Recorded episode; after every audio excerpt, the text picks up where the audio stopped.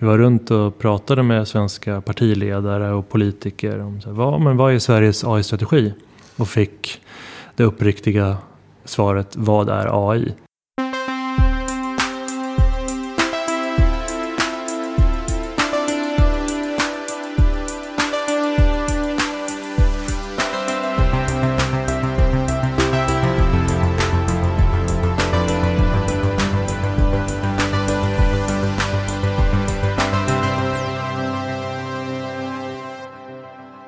Då var vi tillbaka med Heja Framtiden, podden med mig Christian von Essen. Sitter min studio på Roslagsgatan i Stockholm nu med eh, Kaj Andersson. Välkommen hit. Tack så mycket. Det tog ett tag innan vi fick hit dig, höll jag säga.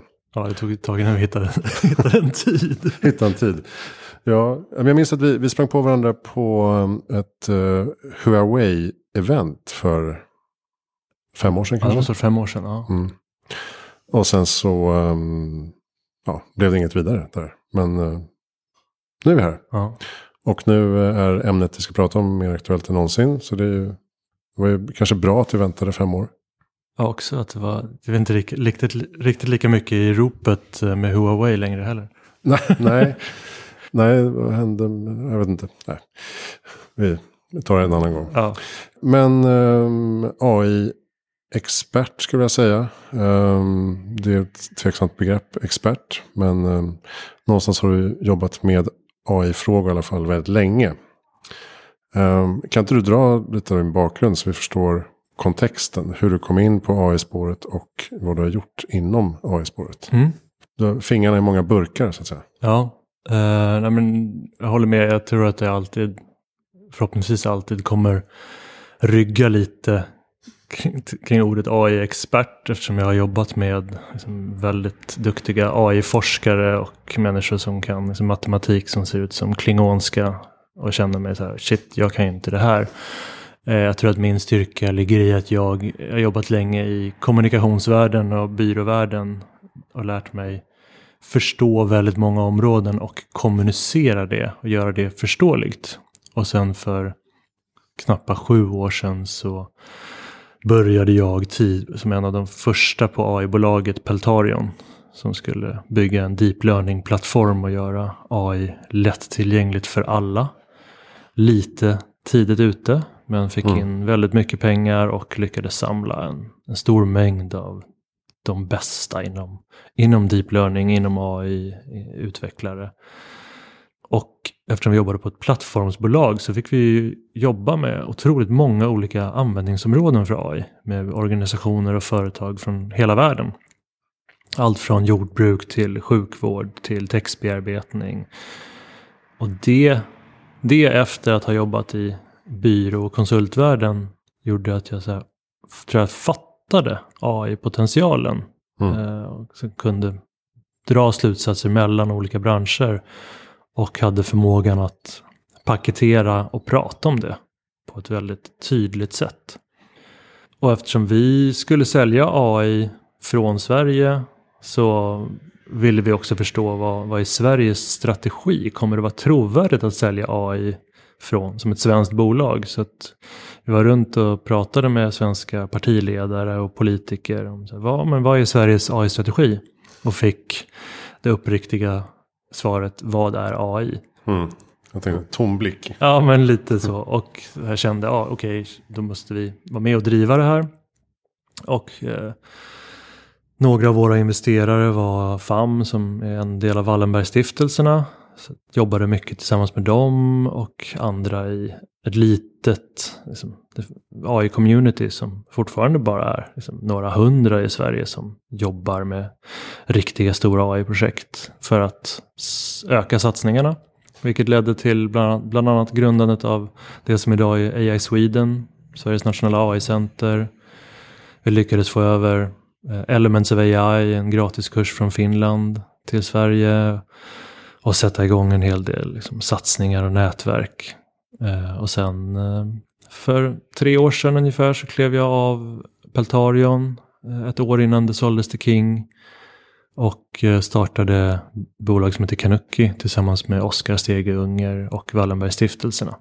Det är där jag är idag. Och använder AI för att få stora organisationer att förändras snabbare och lyssna mer på de människorna som verkar i organisationerna. Mm. Vad spännande. Eh, säger du kanuki? Jag tänkte det hette kanuchi. Ja, det borde ju uttalas kanuchi rent grammatiskt. Ordet kommer från, eh, det är ett ord som Oscar ropade när han var liten, när han var glad. Det var gulligt. Det, ja, så det är liksom därifrån det kom. Aha. Hur känns det att Peltarion såldes till King då? Känns det tråkigt? Eh, alltså både och. Jag tror att vi först och främst var, var Peltarion lite för tidiga. Mm. Uh, och sen vet jag inte var Peltarion hade varit med GPT och ChatGPT idag heller om det hade gått att sälja det i den här världen. Uh, så på ett sätt känns det lite tråkigt med den visionen om att liksom, AI everywhere for advancing humankind som sen köptes upp av ett spelbolag. Eh, samtidigt så tänker jag tycka att känna att det är, så här, jag är glad över att tekniken kommer till nytta och att människorna fick eh, liksom, hamna någonstans där de ändå får jobba med spännande saker. Mm. Om man tänker, vad sa du, sju år sedan du landade in i AI på riktigt så att säga. Ja. Har du kunnat föreställa dig den här perioden som vi befinner oss i nu då? Senaste sex månaderna? Nej, jag hade inte faktiskt tänkt. Jag hade, såg inte det här stora skiftet. Eh, jag skulle säga att ChatGPT är vår liksom, västvärldens AlphaGo moment. Mm. Där alla helt plötsligt fattade. För mig känns det också väldigt skönt. Alltså frustrerande och skönt. För jag har ju försökt varit frustrerad över att varför förstår inte alla hur stort det här är? Mm. När jag började jobba med Luca som grundade Peltarion så kände jag ju wow, det här är ju den tekniken som kan låsa upp våra mänskliga liksom, begränsningar och lösa problem bortom, alltså hjälpa oss på vägen. Men så försöker jag förmedla det i ord och se det som att så här, ja, men det är bara en teknik. Och så helt plötsligt kommer ChatGPT med lättillgängligt så att alla kan testa det och då accelererar det. Mm. Så nej, jag hade inte kunnat föreställa mig att det skulle gå så här snabbt. Så här brett. Men det, hade, det är nog på grund av att det är språk som många kan relatera till. Ja, man kan få praktisk hjälp i sin vardag Ja. på ett annat sätt. Tidigare har det varit mer så här, ja vi ska automatisera den här administrativa processen. Mm. Okej. Det gör kanske att jobbet blir lite lättare, men jag mär- märker, jag ser inte vad som händer. Så det är väl det att det har flyttat fram i rampljuset på ett annat sätt. Sen råkar det vara liksom, generativ eh, AI och text och bild som är första steget. Och, men, och det trodde väl inte jag kanske. Att just de kreativa bitarna skulle bli så starka. För det har man ju pratat om hela tiden. Mm. Ja, det enda vi, det vi har som mänsklighet är ju det kreativa. Det kan inte en maskin ta över. Nej, och det är väl det är väl det som är utmaningen också. Att vi utgår från någon sorts självbild av att vi inte är ersättningsbara. Att vi är liksom slutet av evolutionen. Och det är det som också gör att det är otroligt obekvämt och att det är en väldigt polariserad diskussion just nu med, som inte kanske har så mycket grund eller konkreta riskscenarier. Att det är så här, ja det är bara, det utmanar min, min identitet. Mm. Men det beror ju på vad din identitet ligger i. Om din identitet ligger i processen eller målet. Ligger den i processen då är du jätteutmanad. Men ligger den i målet då är det ju mest spännande. Mm. Det, är det som lärare ser man ju väldigt tydligt skillnad på inställning till det här. Om en lärare går till jobbet för att hjälpa barn, då är ChatGPT det bästa som har funnits. Om en lärare går till jobbet för att vara en auktoritet, då är det här en djävulen. Liksom. Och jag, jag ser att du har varit inne petat i, på LinkedIn bland annat kring de här diskussionerna om eh, liksom riktiga riskscenarier. Att eh, världen ska gå under och eh, mänskligheten ska utrotas. Sån här retorik som eh, både du och jag kanske finner ganska främmande på något sätt. Mm. Och jag såg att du eh, ställde frågan rakt ut häromdagen. Så här, vad, vad är egentligen, vad är det för risk du menar? När någon la ut en sån här svepande och då kunde de inte riktigt svara på det tror jag. Nej, jag har fortfarande inte sett någon. Liksom, jag hör liksom, Max Tegmark prata väldigt mycket. Så får, mycket plats i svensk press. Eh, om att det är en existentiell risk, även Elon Musk. Och liksom. Mm. Men jag har fortfarande inte sett ett enda konkret, så här, det här är det jag är orolig för. De här tio stegen är risken som kommer hända. Eh, och för mig är det svårt att förstå. Alltså jag, jag ser ju att så här, ja, de här, den här tekniken kommer bli allt bättre på att resonera och lösa problem och bete sig som människor. Men den kommer inte bli självmedveten. För det är en så otroligt mycket mer komplex nivå. Och om jag skulle koka ner det till någonting så är det så här. Så fort vi människor inte ber tekniken eller säger till tekniken att göra någonting så händer ju ingenting. Den gör ingenting på egen hand. Det är väl där någonstans jag så här, det finns ingenstans där vi inte kan göra sämre saker eller gör sämre saker redan idag. Mm. Vi är ju redan på väg att för, alltså förstöra världen. Vi borde prata om det mer. Mm. jag.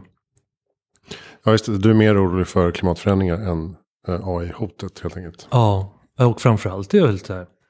Jag ser att lösningen till att, ta hand, att inte orsaka mer kostnader i framtiden, alltså klimateffekter, är att kunna kalkylera alla våra handlingar idag. Och den, för det så behöver vi den här tekniken. Och om vi reglerar bort den, då kommer vi inte kunna lösa det. Så du, du tror inte på uh, OpenAI Letter att uh, pausa utvecklingen och bromsa, gå försiktigt fram och så vidare? Inte i den formuleringen som den var skriven i. Om det hade varit skrivet vi behöver pausa utvecklingen för att reda ut X, Y, Z. Mm. För att skapa följande saker. Då hade jag nog kunnat tänka mig, ja men det här kanske låter bra. Men bara pausa. Det, alltså vi har fortfarande haft, vi har haft många år på oss att ta fram lösningar. Vi har haft 27 klimatkonferenser och kommit ingenstans. Så att varför skulle det sex månader påverka någonting? Jag tror att snarare så här, låt oss prata om den framtid vi vill skapa och skapa policies och enas om det. Mm. Snarare än att pausa saker. V- vad ser du för eh, potential just med AI när det gäller till exempel att eh, bromsa klimatförändringar? Att, eh, jag tänker energieffektivisering, sådana saker är perfekt för eh, de här modellerna. Mm. Alltså till exempel eh, tittar på att analysera satellitbilder. Eh, Mm. Metangasutsläpp på risodlingar. Eh, för att ge alla in, stora inköpare den datan och kunna ge positiva incitament till risodlare. Eh, hjälpa alla småbönder i hela världen, vilket är 95% av alla bönder i hela världen. Att ge dem tillgång och kunskap till hur de ska odla, vad de ska odla med för att de inte ska behöva övergödsla och släppa ut för mycket klimatutsläpp.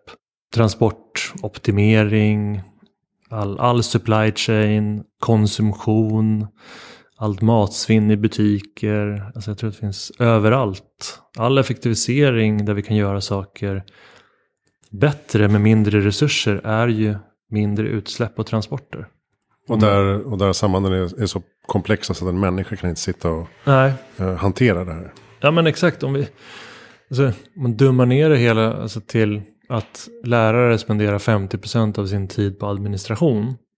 Det är ju hälften av alla lärare som bara jobbar med administration. Det är ju miljoner kilometer resor fram och tillbaka som bara går åt till administration. Om vi kan, kan automatisera bort det så är det ju mindre utsläpp. Mm. Och så kan vi lägga mer tid på människor. Så du landar hela tiden i så här, vad är nyttan för människor Ja. med tekniken? Jag, sak, jag tror jag saknar, eller, eller tror inte, jag saknar den diskussionen. Vi, Mm. sa, vi pratar jättemycket om riskerna. Men vi pratar inte om alla som dör i sjukvården eller alla sjukdomar som vi lever med. Som vi skulle kunna få bort. Och att börja måla upp dem eller diskutera och prata om de målen. Vad, händer, vad kan vi skapa med AI? Och ge de, den diskussionen lika mycket utrymme i politiken som riskerna. Jag tror att det beror på just att man inte riktigt förstår. Alltså att det är något okänt som plötsligt väller över oss. Och så vill man helst bara stoppa det. Ja, jag tror att det är för att det går så snabbt. Men jag tror också att det är kanske olyckligt att vi lever i en, i en tid där vi belönas på snabbhet. Och, in, och det krävs ju ganska gott om tid för att hinna diskutera, hinna landa i saker. Vi har både media och politik som belönas mycket mer på snabbhet än vad, vad de gjorde för, bara 20, eller för 20 år sedan. Vilket gör att att gå till val idag på att förändra samhället på 20 års sikt. Det får väl du inga artiklar på eller speciellt mycket röster på. Kanske. Det är ingen som har vågat prova det. Det är någon sorts prisoners dilemma. Ja. Men jag, egentligen hoppas jag ju på att om ett parti skulle göra det, att sluta spela spelet och istället ta ett ansvarsfullt grepp, att de skulle helt plötsligt vinna alla röster. Mm. Ja, man kan ju drömma om det i alla fall. Ja. Nej, men precis. Jag, jag saknar jag saknar det. Jag tror att det skulle vara bra för eh, eh, kontextualisering av så här. Vi vill höja skatterna på det här. För att vi vill åt det här målet ja. 2050. Därför måste vi börja nu med eh, de här olika verktygen. Så att man som medborgare förstår. Jag hade en del av planen. Okej. Okay. Vi, vi måste ta emot väldigt många flyktingar. Mm. För det är jättebra för Sverige för vi står inför den här utmaningen i framtiden. Därför behöver vi mer arbetskraft inom vård och omsorg. Jaha, ja men det är ju smart. Istället för bara se allt som problem. Mm. Undrar varför... Jag, jag håller ju helt och hållet med dig. Jag önskar ju att det stod på skattesedeln så här mycket av, så här många av dina pengar gick till det här och så här mycket gick till det här. Mm.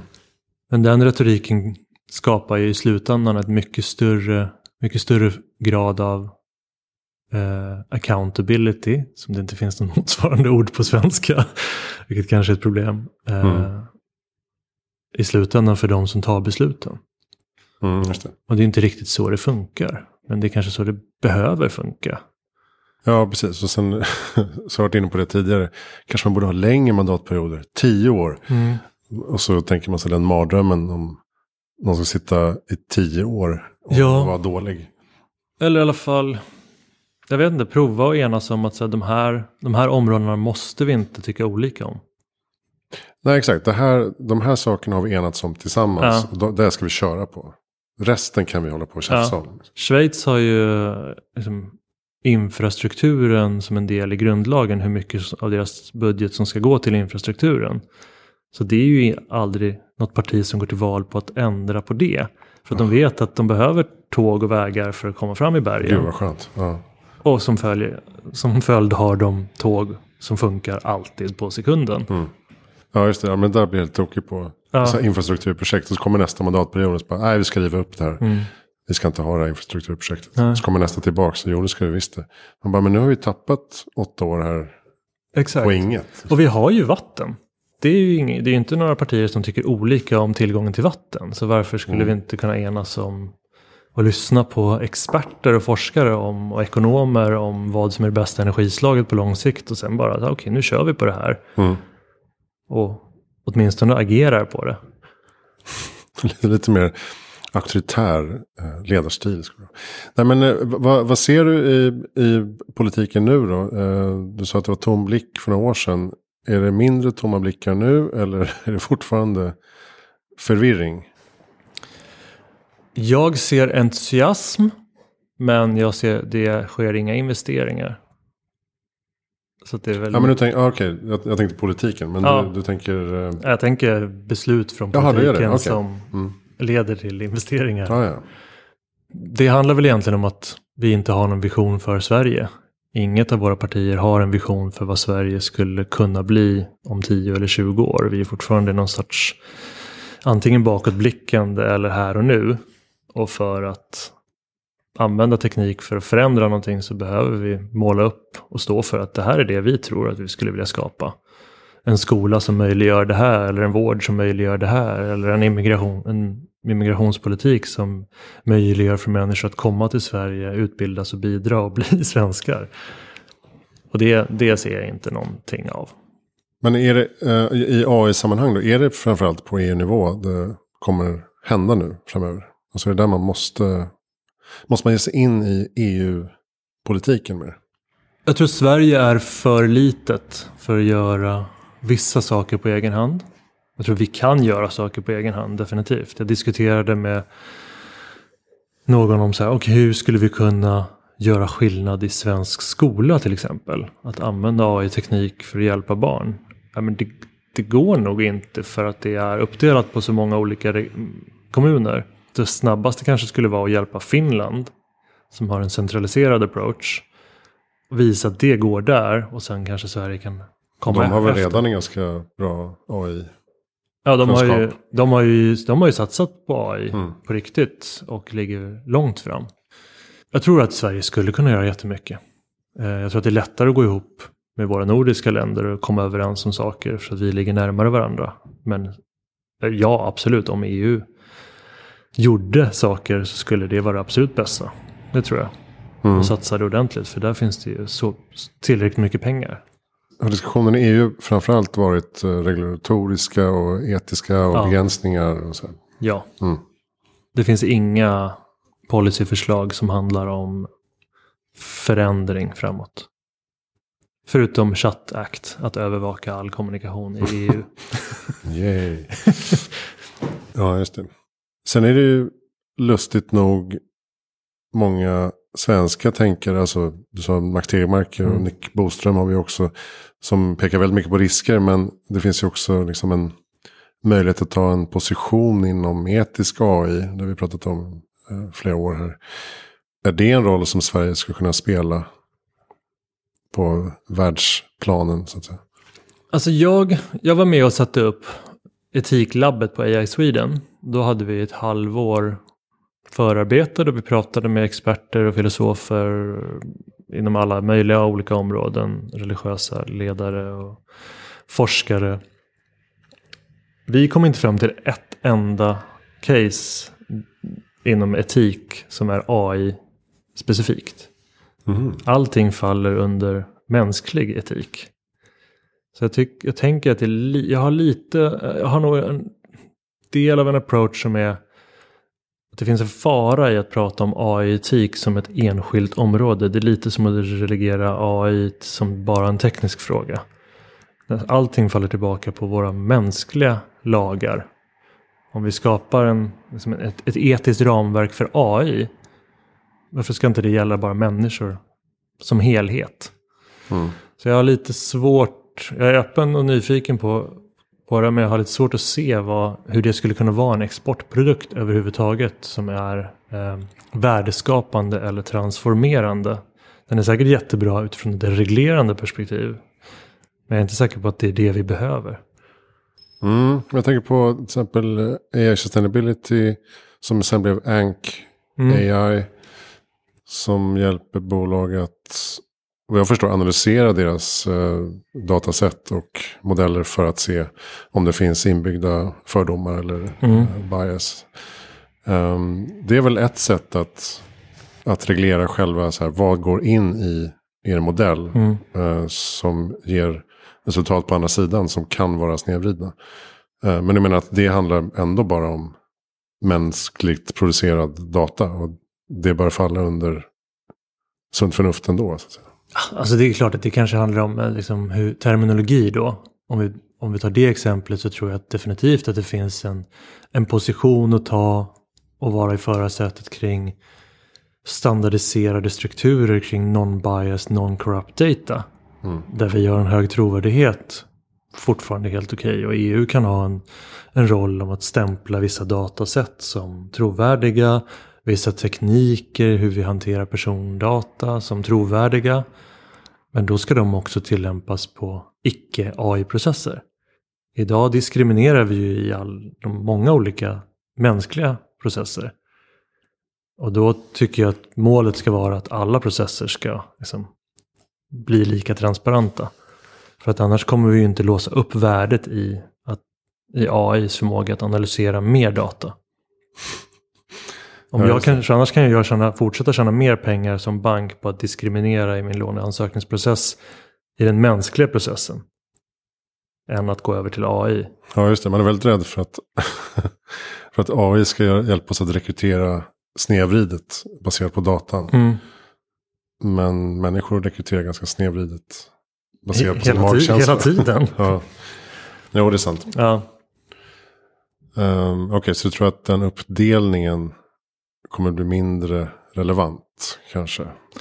ja, jag tror det. Eller så handlar det kanske bara om att vi behöver börja prata om att AI inte är sämre än människor. Ett återkommande budskap är ju AI skapar fake news och hittar på saker.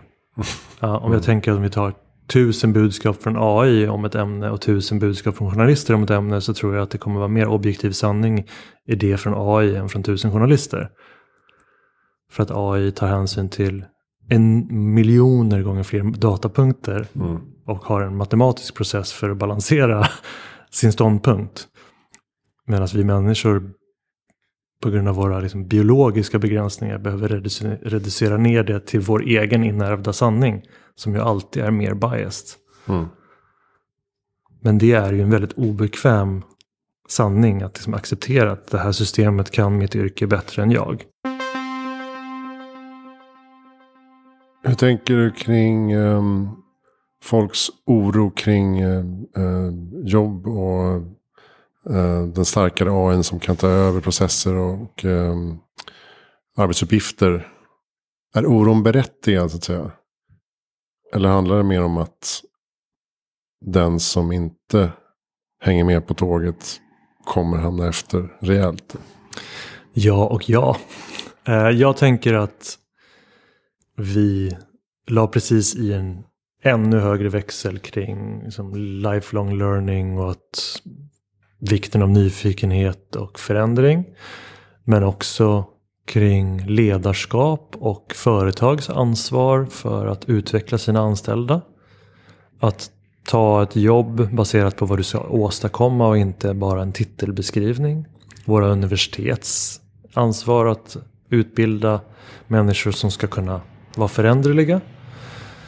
Men jag tror också kanske det som kan göra allra störst skillnad i Sverige just nu det är om fackförbunden börjar liksom uppdatera vilken roll de ska ha i att hjälpa sina medlemmar i, till en förändring. För att ingen, alltså det kommer inte gå att leva ett 50-årigt vuxet liv i en och samma roll där du gör en och samma uppgifter. Och då behöver du ju stöd för att, för att lära om Mm. från flera olika håll. Och fackförbunden, det är ju deras uppdrag egentligen att eh, värna om värdet av sina medlemmar och trygga det. Så jag tror de kan ha en jätteviktig roll här. Ja, just det. Det kanske kräver någon slags mindshift där. Att man går från att bara se det som ett hot mot våra medlemmar. Mm. Det här, den här yttre tekniken som kommer in och skriver artiklar bättre än, eller snabbare än journalisterna. Istället utbilda journalisterna i hur man använder tekniken för att bli bättre. Ja, jag, jag tror det. Ehm, och ställa krav och att fackförbunden kan ställa krav också. Jag tänker så här, bara hitta, ett hittepå. Om jag vore, jag vet inte vad högsta chefen för lärarförbundet heter, om det är vd eller generaldirektör. Men om jag vore högsta chefen där, då skulle mitt bu- huvudbudskap till regeringen vara när får alla Sveriges lärare verktyg så att de kan lägga mindre tid på administration och verktyg så att de kan se barnens behov bättre. Och att ta den rollen och ställa krav. Samma sak antar jag att Läkarförbundet ska kräva. För att läkare inte ska behöva lägga mellan 55 och 66 procent av sin tid på administration. Att ställa krav på det. Ja, som lärare måste det vara fantastiskt att använda ChatGPT också. Alltså strukturera lektioner och skapa quiz och frågor och rätta saker, vad som helst. Ja, verkligen. Jag minns att det, jag hörde om ett experiment, det här var nog fem år sedan i Korea. Med fjärdeklassare. Som bara med hjälp av accelerometrar på sina pennor så kunde, man, kunde läraren få liksom, insikter kring vilka barn som hade lätt och svårt för olika uppgifter. Och bara sån, den typen av stöd är helt fantastisk. För en lärare kan ju inte se 20-30 barns individuella behov. Men att kunna se att någon individuell har problem eller har utmaning med någon del i matematiken. är ju Mm. otroligt kraftfullt. Och sen tänker jag också politiker, om jag vore politiker eller tjänsteman politiskt så skulle ju de här verktygen vara otroligt värdefulla också. Alltså sammanfatta texter, plöja igenom stora dokument, hitta det mest eh, relevanta, dra ut data. Och lite biased här också kan jag också tycka att lyssna på med, medborgare. Alltså verkligen, verkligen lyssna. Vi har ju precis gjort ett eh, projekt med eh, Skellefteå och SKR. Där Skellefteå har lyssnat på alla nyinflyttade. Fråga, ställt en fråga om vad behövs för framtiden. Mhm. För att ni ska vilja stanna kvar i decennier. Och så har de fått skriva av sig fritt på sina egna språk. Och så använder vi stora språkmodeller för att summera ihop vad människor säger. Istället för att använda en traditionell undersökning där vi frågar om liksom förbestämda ämnen. Och det där tror jag att liksom demokratin skulle kunna gagnas. Att lyssna in Mm. och låta människors röst komma till tals. Så att folk kan prata på det sättet de är mest bekväma på. Ja, det är vettigt. De har ju liknande i eh, Rumänien nu. Va? En AI advisor, någon slags rådgivningsrobot som samlar in åsikter och förslag från allmänheten och Mm. sammanställer det till eh, presidenten då, Oh, det är regeringen. superbra. Ja, och det, det är klart att ja, det kan säkert missbrukas på något sätt. Men ändå eh, känns som en spännande utveckling egentligen. Ja, jag skulle ju vilja se SVT i partiledardebatten bara använda den här befintliga tekniken för att ge scores på hur väl svarar partiledaren på journalistens fråga. Mm. Versus dodga och liksom. Ja, och eh, realtids eh, faktakolla. Ja, ja, verkligen. Det här stöds av forskning. Mm.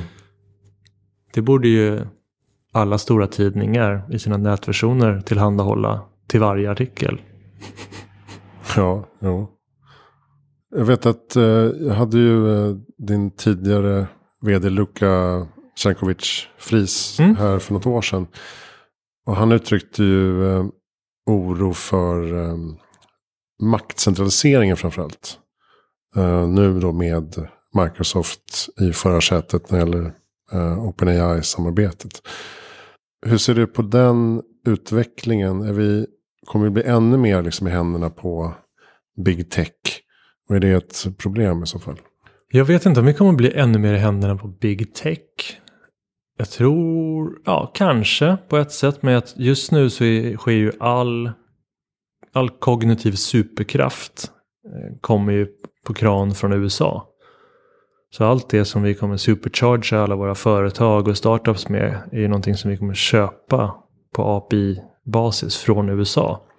Och det är ju, skapar ju ett politiskt beroende. Det är ju som att vi outsourcar all vår energiproduktion till ett annat land. Mm. Eh, vilket vi kan vara fine med eller försöka börja utveckla den kapaciteten själva. Men det kräver ju då att vi är väldigt bra vänner med, med USA. Ja, just det. Så inte de plötsligt skruvar av kranen. Nej. Så står vi där tusen företag som inte kan eh, använda Ja. sina produkter. Så jag tror att det kräver en hel del tankekraft kring hur våra samhällen ska fungera. För vad händer om de stänger av det? Då tvingas vi köpa det från Kina istället. Och, då, ja, och så vidare.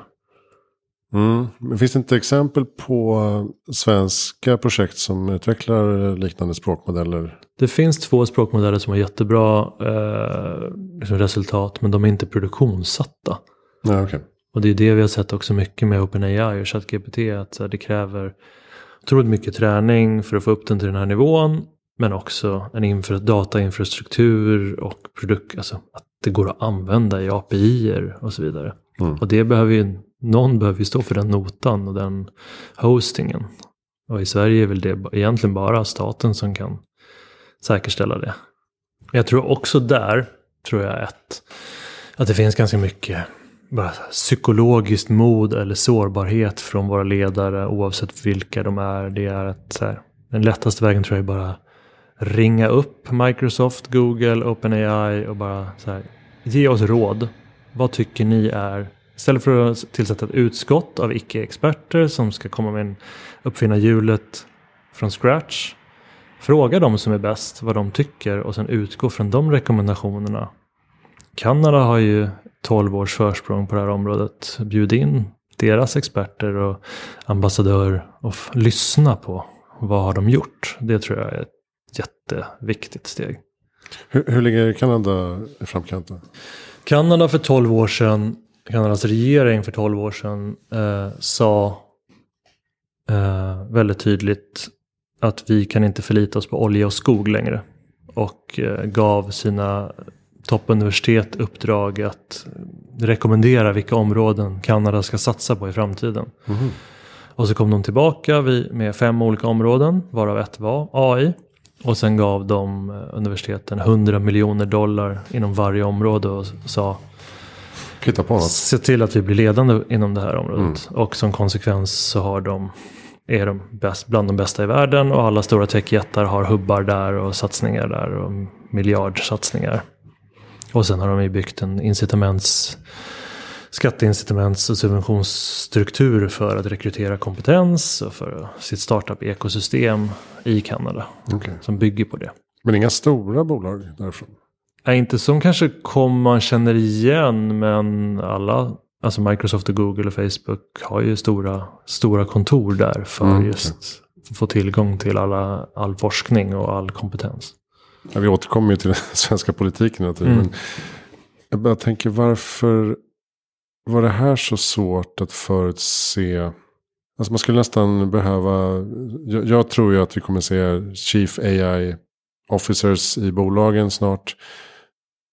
Man kanske skulle ha en AI-minister eh, i Ja. regeringen. Ja, Jag, jag håller inte med. Jag tror att vd och statsminister måste äga frågan.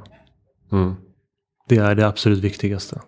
Men det också, precis som en vd behöver, vd är ju den som till styrelsen rapporterar eller ansvarig för att säga vart, vart är vi om tre år? Vad är vår roadmap? Så är statsministern ansvarig för att till folket förklara var är vi på väg? Och då förstå. Sen kanske kan den omge sig av AI-experter men det är ändå den personen som Alltså om det här är större än elden som Sundar Pichai, Googles vd, säger. Då är det, inte, det är inte blockchain. Det är liksom inte någon liten teknik. Det är ju det som gör att vi kan bearbeta information tusentals gånger snabbare. Och det är ju det allt vårt värdeskapande kommer ifrån. Ja, absolut. Men jag tänker lite som med vissa företag som säger att vi ska inte ha någon hållbarhetschef. Utan hållbarhet ska genomsyra hela vårt företag. Mm. Så bara, gör det verkligen? Alltså, blev det så? Ja, fair. Nej, men det är absolut säkert att du behöver ha en AI-officer ett tag. Som kanske försvinner efter ett tag. Precis som en hållbarhetschef Mm. behöver vara där ett tag. Men då ska väl målet kanske och budskapet från bolaget vara att se, se till att få till en policy på nationell nivå som bolaget opererar efter. Så att man sen kan ta bort den funktionen. Vad gör ni för spännande projekt i eh, Kanuki nu då? Just nu jobbar vi med eh, Saab eh, där vi frågar en stor del av alla anställda om vad som behövs för framtiden. Eh, för att säkerställa, liksom, säkerställa att organisationen pratar om rätt saker för att lyckas i framtiden. Och ta tillvara på alla perspektiv och se till att strategin makes sense för alla. Och sen eh, hoppas vi på att göra en liknande grej som vi gjorde i Skellefteå kring eh, de i våra Stockholmsförorter. Eh, att ställa en fråga till alla som bor i våra förorter. Vad behövs för att era barn ska nå sin fulla potential och bli lyckliga i livet? Och kunna lyssna på alla människor oavsett om de pratar arabiska eller somaliska eller svenska eller engelska. Och summera, använda AI-teknik för att summera ihop de rösterna och bara bryta igenom det politiska narrativet om strängare straff eller visitationszoner och prata om de sakerna som människor frågar efter. Det är väl det som jag är mest exalterad över. Ja, det låter ju skitspännande. Ja. Men annars håller vi på att utveckla, liksom, utveckla plattformen och jobbar med liksom, VDR för de bolag vi jobbar med och deras ledningsgrupper för att titta på hur, hur får vi ihop det här? Liksom, blandningen av teknik och ledarskapsutveckling och psykologisk trygghet för att börja våga släppa taget och distribuera en del av besluten till data. Det är ju ett stort skifte för många organisationer kulturellt. Varför tror du att Wallenbergsgänget såg det här så tidigt då? De har ju en väldigt lång horisont. Mm. Eh, De tittar ju på väldigt många bolag. Liksom. Inte alls som en riskkapitalbolag med tre till fem års exit. Det här är ju hundra års sikt. Och, och förstår att ju bättre vi kan använda data, att vi, desto bättre beslut kan vi ta. Och vi måste och också operera i väldigt stora organisationer. Där det är otroligt komplext. Jag tror att det är väldigt få svenskar som kan förklara väldigt kortfattat vad Ericsson sysslar med. Mm. Och liksom kunna ta hänsyn till alla datapunkter och få nya insikter. Det tror jag kommer väldigt naturligt när man har varit med om så mycket och opererar i så otroligt många stora komplexa bolag.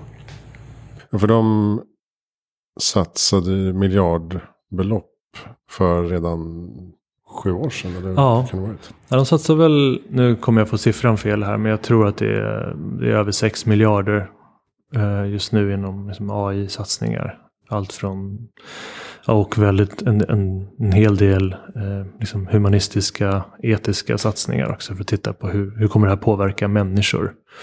Men också verkligen liksom, in, brett inom alla områden. Om man ska sammanfatta då. Var tror du att AI kommer kunna ha störst potential för att göra vår värld bättre? Alltså den största potentialen, Om jag ska dra, dra tre saker rakt upp och ner. Alltså det kommer ju påverka allting om vi, om vi använder det. Verkligen. Men jag är exalterad över hur mycket det kan göra för utbildning i tredje världen. Alltså så här, alla i Afrika kan få lärare, privatlärare. Det kommer ju kunna, kunna accelerera utbildningen helt enormt. Eh, och i Sverige, skolan, samma sak, men på en annan nivå. Och framförallt sjukvården. Alltså förlänga livet men framförallt öka antalet år som vi är friska.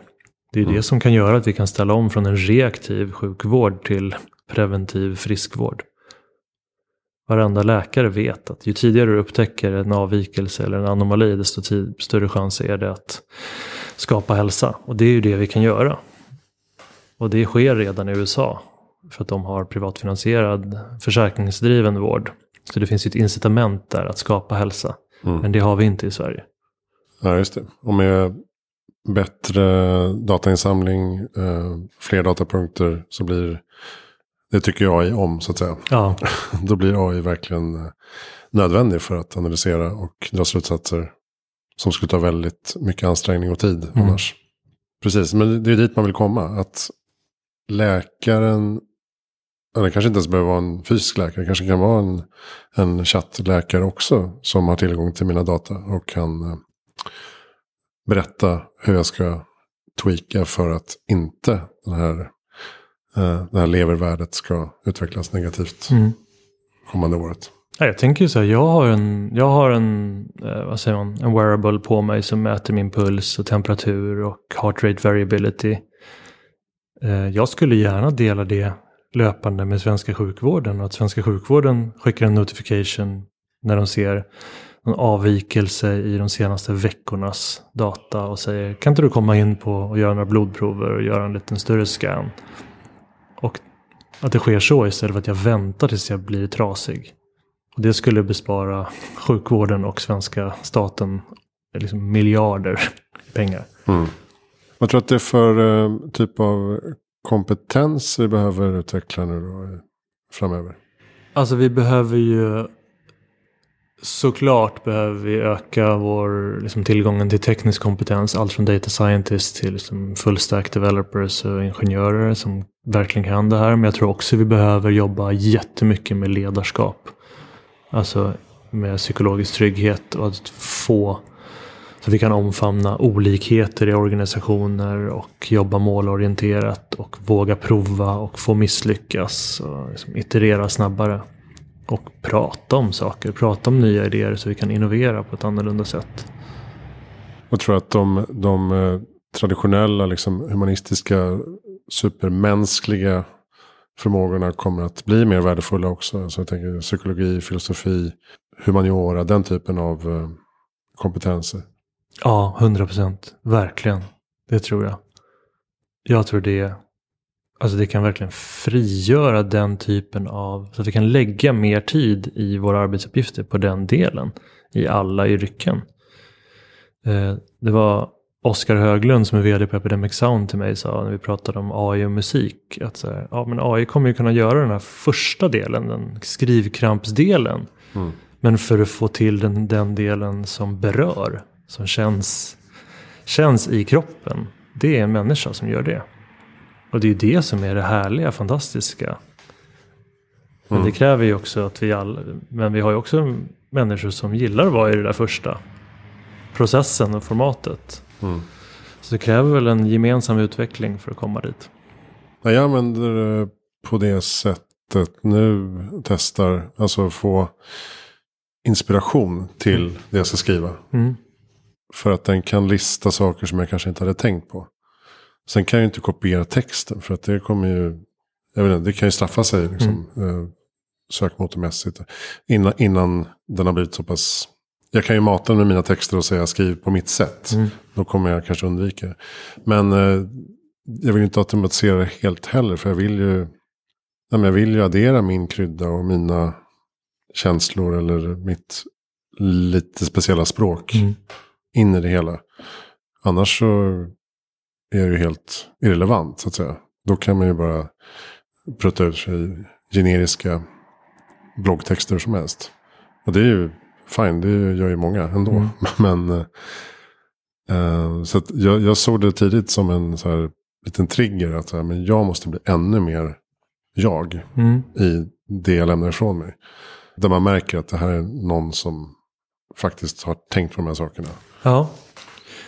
Men jag tror där är verkligen, och det är ju där tycker jag något av det mänskliga ligger, eller kreativa. Jag vet inte om det är mänskligt, men just den där delen där vi börjar komma de sista fem procenten. Det är där jag utmanar mig själv och känner fan här, här börjar det bli härligt. Mm. Jag tycker att det är en, liksom, ofta en spännande utmaning att ta en, så här, en politisk motion eller någon fluffig corporate text och, bara, och be GPT, kan du ta bort allt noise och bara ha kvar budskapet och se hur lite som blir kvar. Precis. This meeting could have been an email. Liksom. Eh, den här 50 sidor långa pdfen kunde ha varit den här sammanfattningen på Ja, 200 ord. Ja, så är det väl ofta. Så är det mycket i livet. Men jag tänker på det här, på det generativa och kreativa som vi ser nu. Och folk blir nervösa över sina yrken och illustratörer och fotografer. Eh, det är copyright-diskussioner. Det kommer ju vara ett litet kaos här framöver. Jag tror att vi snart kommer till en punkt då man inte längre bryr sig om det är människa eller maskin som har gjort musiken eller filmen eller konstverket eller fotografiet. Eller kommer det bli tvärtom, att man blir att det blir ännu mer värdefullt med det mänskliga hantverket. Att vi kommer ha mer live, mer uh, kött och blod liksom. Eller kommer det här vara två, uh, parallellt, två parallella utvecklingar samtidigt? det kanske är att, vi, att båda framtider kan hända. Alltså att vi hamnar i någon sorts idiocracy, wall scenario där vi bara lyssnar på jinglar och allting är medioker kvalitet. Eller så hamnar vi i en värld där det blir bättre som en konsekvens. Och det är väl lite upp till oss att vilken värld vi vill skapa. Jag tror ju att det finns något att det är viktigare än någonsin att människor läser böcker i superkultur, diskuterar idéer och koncept och, och inte snabbkonsumerar. Men om, om alla snabbkonsumerar då kommer ju AI, snabbgenererad snabbkonsumtion vinna. Och det går väl tillbaka till också igen så här. Vilken, vilken framtid vill vi skapa och vilket har ett värde? Jag tror att det finns ett jättestort och viktigt värde i att människor konsumerar nya perspektiv. Och på regelbunden basis att prova och se världen ur nya ögon. Eh, och där kan ju AI spela en roll i att snabbt hitta om jag inte läser böcker speciellt ofta. Eller bara läser en viss typ av böcker. Då kanske det är svårt att få en rekommendation av en bok för den känns så men det där är inte jag. Men AI kanske kan hitta precis rätt balans i vad som är ett tillräckligt stort steg för att jag ska komma ur min bubbla och ta några små kliv. Precis som att AI kan hjälpa jättemånga med terapi och personlig utveckling som inte, där det är för obekvämt att prata med en människa. Mm.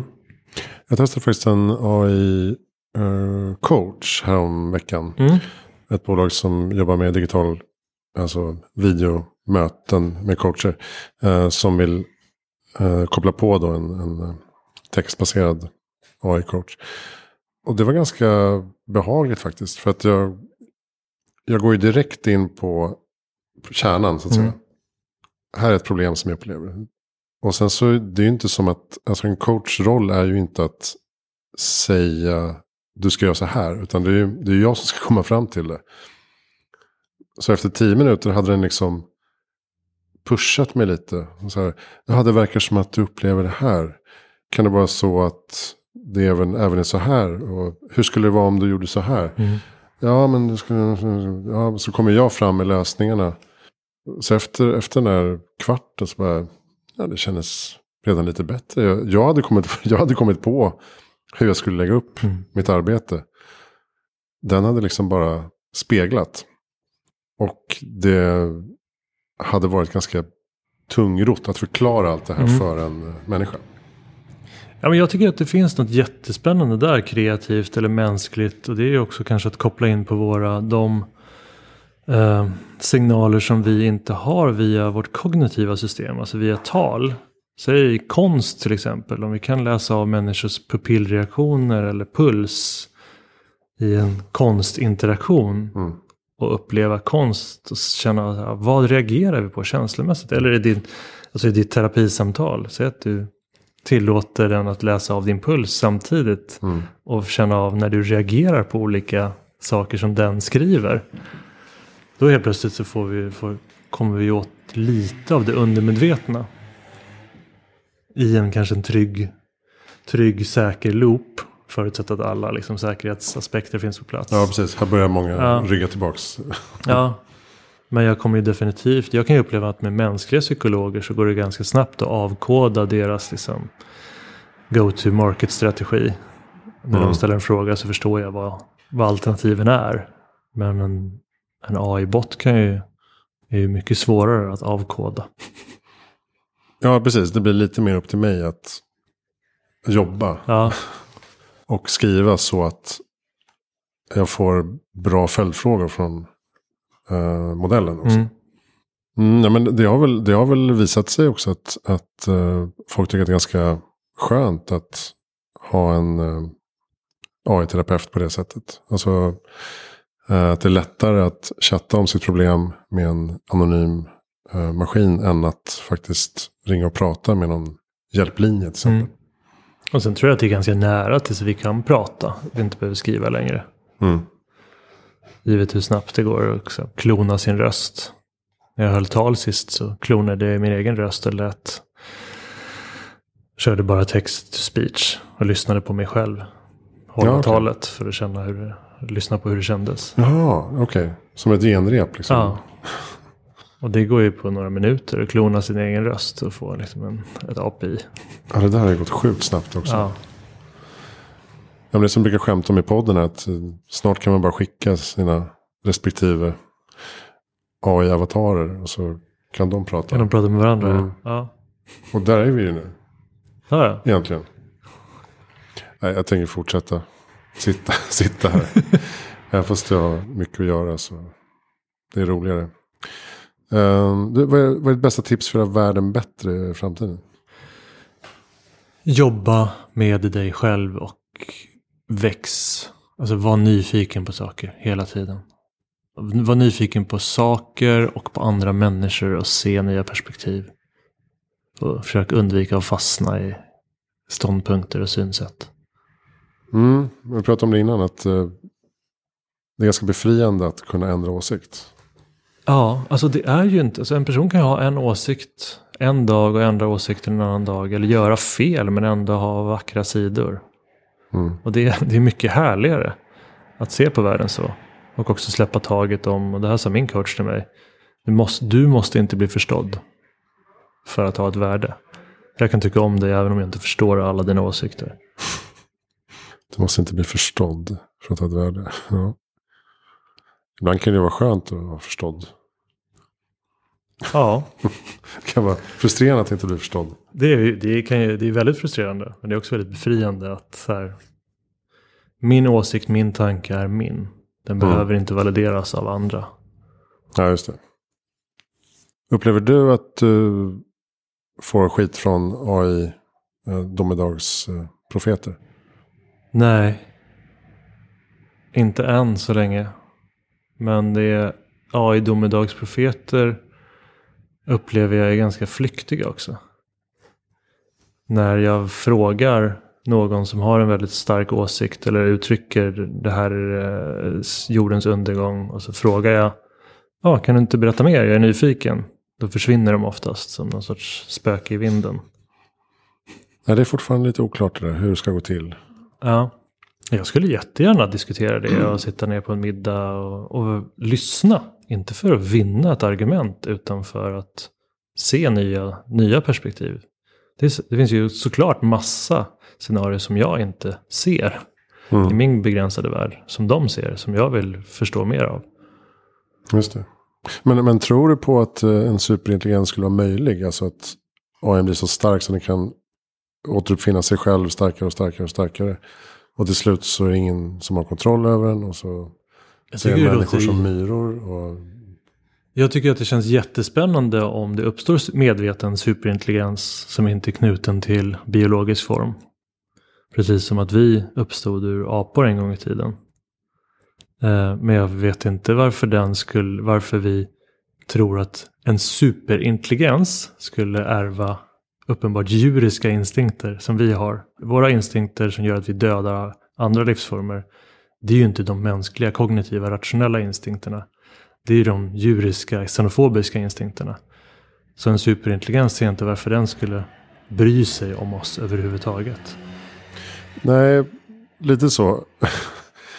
och det är som att vi skulle sitta och titta på när den utvecklas också. Ja, Och bara oj, ah, nu blev den där superintelligensen. Och den har blivit programmerad att bara vilja eh, tjäna pengar. Fan vad jobbigt. Nu kommer den döda alla människor eh, för att eh, kunna maximera någonting. någonting. ja. Ehm, är den superintelligent så, jag vet inte. Skulle den gå med överhuvudtaget? På att ha ett mål som är att utrota mänskligheten. Nej. Ja, I och för sig, då är det inte människan som har programmerat den längre. Då har den Nej, då har de hittat väl hittat något eget. Mm. Absolut, det är klart att den kan säkert hamna i så fall i något annat mode. Där den tar hänsyn till alla livsformer på jorden och som en konsekvens av det vill skydda, vill skydda majoriteten. Och Ja, därmed ta bort den mest farliga. Arten. Ja, Just det. Du ska bygga ett torn till månen Mm. härifrån. Kör. Och då skulle den bygga då eh, robotar som blir större och större. Skulle ta alla resurser på jorden och bygga det här tornet. Mm. Eh, och döda allt som kommer i dess väg. ja. Jag vet inte riktigt vad det är som gör att det skulle vara. Det finns ju inget djur som har. Varför den skulle bli psykopat. Ja, just det. Ja, det skulle vara jobbigt. Um, sen det enda scenariot som jag kan acceptera som en oro. Det är väl att. Ja men dels förstås att påverka demokratiska val. Eh, men också att på något sätt trigga igång kärnvapenkrig. Just när det är så skört alla relationer, Mm. geopolitiska relationer. Att det skulle vara lätt med eh, kanske deepfakes och sånt där. Att trigga igång en reaktion som leder till upptrappning, som leder till kärnvapenkrig, som leder till eh, atomvinter och så vidare. Ehm, det är väl mer det jag skulle oroa mig för i så fall. Och där tror jag lösningen är att använda tekniken för att stärka demokratin. Mm. För att vi människor hittar ju på nyheter och fejkar saker och ljuger som det är. Låt oss då använda tekniken som gör att vi kan få fram sanningen och forskningen stark, mer. För att få väl stämpla den eller liksom blockchain skydda den på något sätt eller hitta något system som gör att det blir bättre. För vi kan ju aldrig, vi kommer aldrig hitta en regel som förbjuder tekniken i alla länder i hela världen ändå. Nej, och i vissa fall så, man hänvisar ju ofta till så här det finns globala avtal, liksom typ kemiska vapen får inte användas. Fine, då har vi beslutat det. Och det är väl det som Tegmark har varit inne på, att man borde ha en liknande överenskommelse när det gäller till exempel uh, lethal autonomous weapons och sådana saker. Det, ja, det, det är mitt motargument, hur många kärnvapen finns det på jorden? Jag vet inte. Ja, men ganska många tusen. Mm. som, som om the, the shit hits the fan så kommer, vi kommer de användas. Och mm. kemiska vapen har ju använts i närtid. Trots förbud. Mm. Uh, men ja, absolut. Jag tycker vi ska... Det låter väl jättebra att använda... Ja, börja diskutera vilka regler som gäller för krigsföring. Samtidigt finns det väl jättestora fördelar med att använda AI för att skydda civila också. Mm. Jag tror att det var Aurore Välfrag som hade en idé för några år sedan om en fredsmäklare som var liksom en robot. Typ Furhat med liksom AI, ChatGPT som inte ens hade kommit då. Som skulle kunna liksom på något sätt vara mycket bättre på medla. För att den kan ju båda parter kan lyssna på och prata med och delas. Alltså den kan hjälpa människor att förstå varandra. Mm. Jag tycker att det finns något briljant i det. På alla språk dessutom. ja, på alla språk. Att det inte är någon tolk. Det behöver inte reduceras ner. Att så här, vad är det du vill egentligen? Varför? Vad är det som pratar av sig? Okej, okay, ja, men det, det, här är det som skulle krävas för att ni faktiskt kan sluta den här konflikten. Mm, kanske ligger någonting där. Apropå eh, botterapeuten där. Att man, man kan vara mer rak och öppen med någon som inte behöver ja. avkoda ansiktsuttryck. Det känns som, ett, och... ja. det känns som ett kul, en kul framtidstanke på liksom, är krigstribunalen i Haag. Att så här, krigsförbrytare döms till robotterapi. Mm. Precis. En sån här robotsäl. som man får gosa med och prata med i hundra år.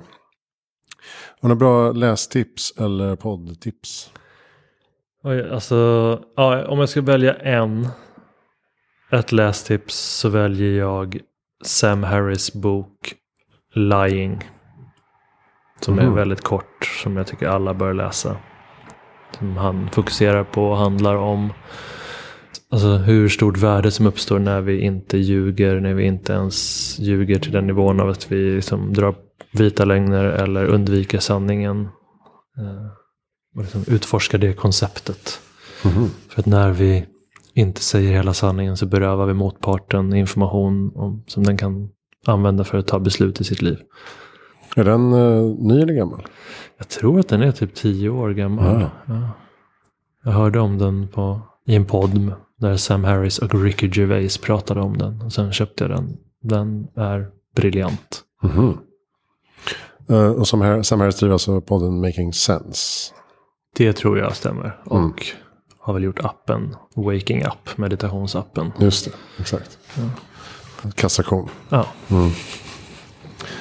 Uh, vem tycker du ska intervjua? Jag tycker du ska intervjua Matilda Andersson. Som mm. är data scientist.